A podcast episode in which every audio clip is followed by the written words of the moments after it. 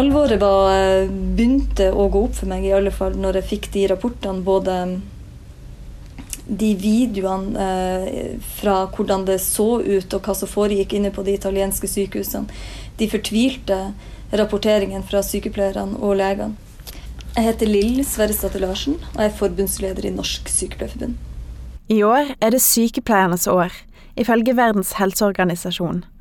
Men hos Norsk Sykepleierforbund i Tollbugata i Oslo er det lite som minner om fest og store markeringer.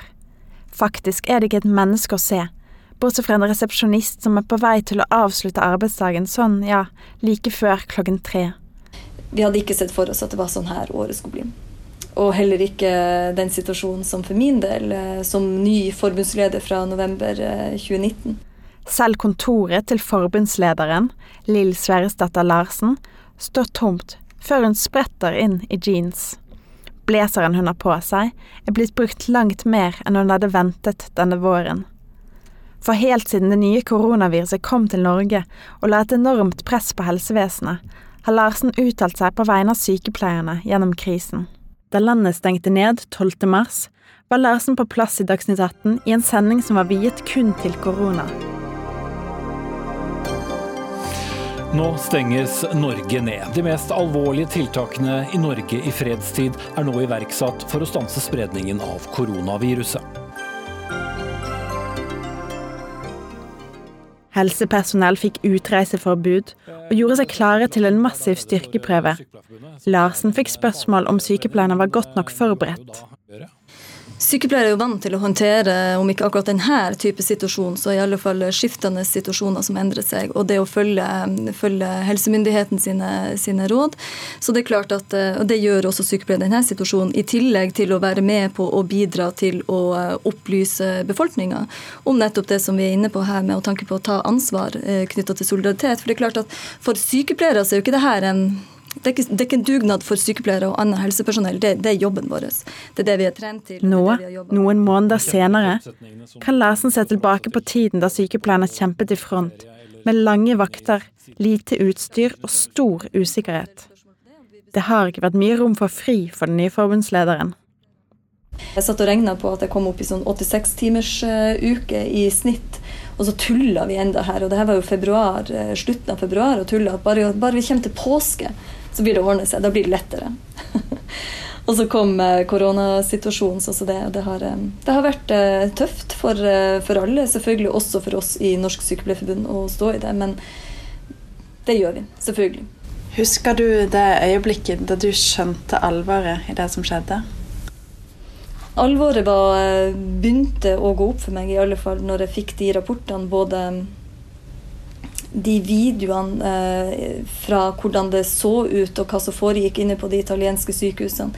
De fortvilte rapporteringene fra sykepleierne og legene. Og det var, det var før det egentlig sprakk ordentlig i media, også her. Bare tre måneder før koronaviruset kom til Norge med fly fra Kina, Østerrike og Italia, ble Lill Sverresdatter Larsen valgt til leder i Sykepleierforbundet. Førsteamanuensisen fra Tromsø gikk til valg med slagordet 'Faget i front'. Målet var at sykepleiernes faglige kompetanse skulle få mer plass i mediene. Så kom en pandemi til landet, og mangelen på intensivsykepleiere ble en del av hverdagspraten. Jeg har lært at det er ganske fort, og noen ganger helt nødvendig, å snu seg fort. Eh, og det gjør vi, det får vi til i helsetjenestene. Det er en stolthet i det òg, at når uh, partene, når sykepleiere går sammen med arbeidsgivere, med tillitsvalgte, så får man ting til. Det, det er fullt mulig å få ting til i helsetjenestene. Så langt er 251 døde av covid-19-sykdom i Norge. De aller fleste dødsfallene har skjedd på sykehjem. Hvordan har det egentlig vært å jobbe som sykepleier denne våren? Det var enda mer krevende for sykepleierne i denne perioden. De så også den sorgen og den savne, det savnet som eh, de, de eldre beboerne eh, hadde. Sykepleierne mista sånn sett den ressursen som er i, i pårørende, fikk dermed ekstra eh, belastende arbeidsdager. Når pasienter dør på et sykehjem, så sitter de la med. Hvis en pasient ikke har pårørende, så betyr det at en sykepleier eller en annen helsepersonell sitter som fastvakt Du skal ikke dø alene.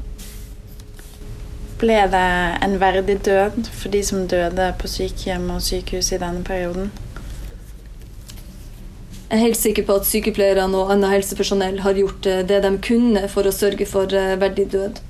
Eh, derfor var det viktig for oss også å diskutere prioriteringskriteriene som ble satt av, av Helse- og omsorgsdepartementet. At det var en diskusjon om prioriteringskriterier på Det kan ikke være alder for eksempel, som skal være et kriterium for om du skal ha intensivbehandling eller ikke. Men det betyr ikke at alle som er på sykehjem, dermed skal ha en rettighet til intensivbehandling. Det er ut ifra hva som er nødvendig, ut ifra hva du tåler, hva helsa di tåler ellers. Men alder skal altså ikke være et kriterium. Da landet stengte ned i mars, klappet nordmenn for helsevesenet fra balkongene sine. Hva har denne krisen gjort med yrkesstoltheten til sykepleiere? Vi har fått mye applaus. Applausen er en eh, fin ting. Sykepleiere flest har satt veldig stor pris på den eh, applausen som kommer fra befolkninga. Eh, det er en anerkjennelse i seg sjøl. Og du aner ikke, jeg har fått så mange e-poster og meldinger fra sykepleiere som beskriver at endelig skjønner andre folk hva sykepleiere gjør. Og de føler seg anerkjent for jobben de gjør, og det ansvaret som ligger til, til, til yrket. Likevel mener Larsen at det oppsto et dilemma mellom dugnadsvilje og sykepleiernes rett til vern mot belastning. Applaus fra myndighetene og arbeidsgivere, uten handling bak, oppleves som et klapp på hodet, mener Larsen. Sykepleiere er nøkkelpersonell i helsetjenesten.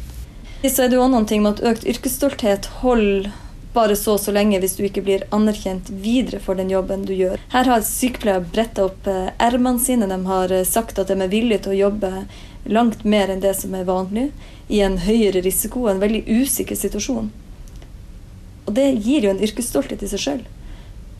Det å ville gjøre godt for samfunnet. Samtidig så er det en grense mellom det å ville gjøre godt for samfunnet og være stolt av det man bidrar med, og det ansvaret og oppgavene, og det å bli utnytta. De siste to lønnsoppgjørene har sykepleiere blitt omtalt som forhandlingsvinnere. De har hatt en vekst på nesten 8% på to år. I fjor fikk de også en garanti om lønn på mer enn 500 000 kroner etter ti år i yrket. Altså har sykepleiere hatt større lønnsvekst enn andre kritiske yrkesgrupper, som lærere og renholdere. Likevel har flere sykepleiere tatt til orde for et ekstra koronatillegg. Lill Sverresdatter Larsen mener nemlig at lønn ikke bare handler om rettferdighet. Snarere mener hun at lønnsnivået også bør styres av etterspørsel etter arbeidskraft. Um, om det er mer eller mindre rettferdig, jeg tenker det er ikke så uh, viktig. Det, det, vi er opptatt av, er hva samfunnet trenger. Og her bør det jo være et marked som betyr noe. Når vi mangler, når det er stor etterspørsel etter sykepleiere, vi mangler såpass mange som vi gjør, 6000 bare i dag, og det, etterspørselen er økende, så er det klart at da er jo lønn en del av det bildet òg. En av fem eh, sykepleiere slutter i yrket i løpet av de første ti årene. Hva skyldes det? De beskrives beskriver det som at det skyldes eh, flere ting. Lønn er en, eh, en del av det. Det med mange, mange, at du ikke får hele stillinger. Og så er det det med arbeidsmiljø. Hvis fagmiljøet er svakt, at du jobber veldig mye alene og må gjøre beslutninger, vurderinger alene uten at du får noe verken feedback fra leder eller fra kollegaer i noe særlig grad. Og så er det kanskje også det, det siste, det med at man blir satt til å gjøre mange arbeidsoppgaver som egentlig ikke er sykepleieroppgaver. Tegnehanne har en sånn her, liksom tulle, tulleserie på det, men som, som, setter det på spissen. ikke sant? Med alle arbeidsoppgaver som sykepleiere etter hvert har overtatt. sånn uavgrensa ansvar. Ok, Sykepleiere skal kanskje være portør, man skal jobbe på lager, man skal jobbe renhold, og til slutt så kommer da direktøren på sykehuset og sier til Tegnehanne sin figur her da, at, at de har sagt opp parkeringsvakten som kanskje bare hun, når, med det samme hun er på runden, så kan hun bare stikke innom og være parkeringsvakt også. og jeg syns den er artig, for det setter det veldig på spissen. For det er sånn. Det blir det sånn uavgrensa ansvar. Det blir beskrevet som en viktig del av det hvorfor de slutter. Hva slags jobber er det de går til? De går til uh, Tidligere har det vært mye som uh, luftfart. Uh, de går til butikk, de går til bank. de går til, Jeg fikk nettopp en intensivsykepleier som hadde vært i på intervju og hadde fått jobb i dagligvarebransjen, butikk. Fordi at, uh, Hun beskrev også at der ble hun bedre ivaretatt smittevernmessig enn hun gjorde på sin egen intensivmedisinske avdeling. Og de går til f.eks. togbransjen. Det mange ulike. Sykepleiere er, rekrutteres godt til andre yrker pga. den kompetansen de har, med det både relasjonelle, men også det prosessuelle, det å jobbe i prosess. Du har sagt til Aftenposten at uh, lønn rekrutterer og bidrar til å beholde folk i yrket. Men hvilke andre ting er det som kan bidra til å holde flere sykepleiere i yrket? Vi kommer ikke utenom lønn. Lønn er en, eh, et viktig element. Skal du trekke folk til et yrke, skal du rekruttere, så er lønn eh, viktig. Skal du rekruttere menn til yrket, så er, viser det seg at lønn eh, er enda viktigere. Samtidig er det bare en del ut av, ut av det som er nødvendig. Hele stillingen er nødvendig.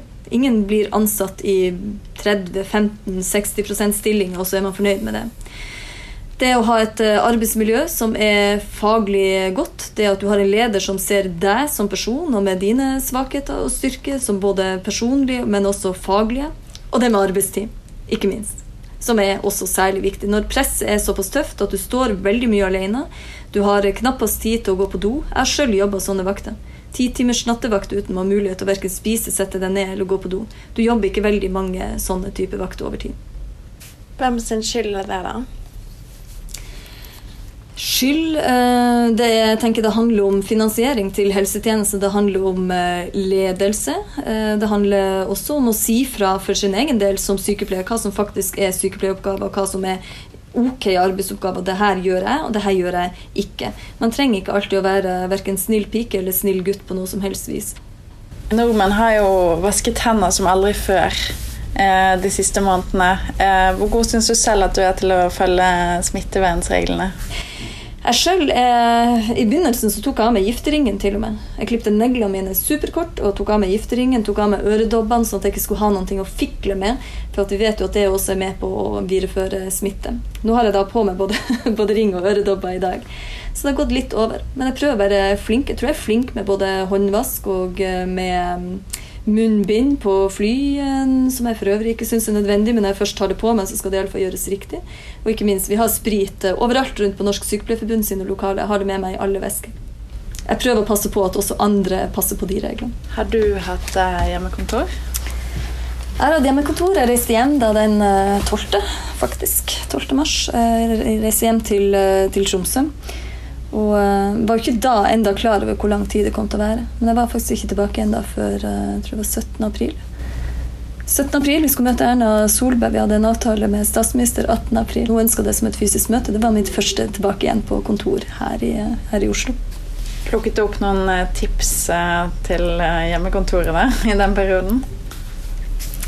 Vi var jo flere stykker hjemme. Jeg hadde to barn som var hjemme og hadde hjemmeskole, og hadde en mann som hadde hjemmekontor. Så um, det meste av eh, lokasjoner kunne etter hvert fungere som eh, møte. Jeg var på soverommet, jeg var på badet, jeg var på boden. Har du selv måttet uh, droppe noen ferieplaner i år? Ja, vi hadde iallfall noen ferieplaner i uh, påska som ikke ble noen ting ut av. Ellers så hadde vi egentlig planer om å være hjemme i Nord-Norge og gå eh, fjellturer. Det, det, er det heldigvis fortsatt full mulighet til. Det er likevel ikke avlyste ferier Larsen håper nordmenn vil huske fra koronaåret 2020.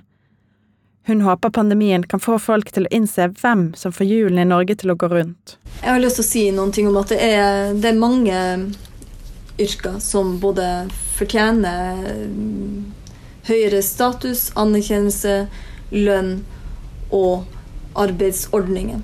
Ut ifra det vi har sett, er helt nødvendig. Jeg, jeg, syns det var godt å se at den applausen den gjelder ikke bare sykepleiere, det gjelder også andre kritiske samfunnsfunksjoner. Kanskje får vi bukt med denne uh, eh, sayinga om at uh, ja, hvis du ikke gjør det bra på skolen, så er eneste jobben du kan få, å jobbe i kassa på Kiwi. Kassa på Kiwi er faktisk viktig. Eh, renhold er viktig.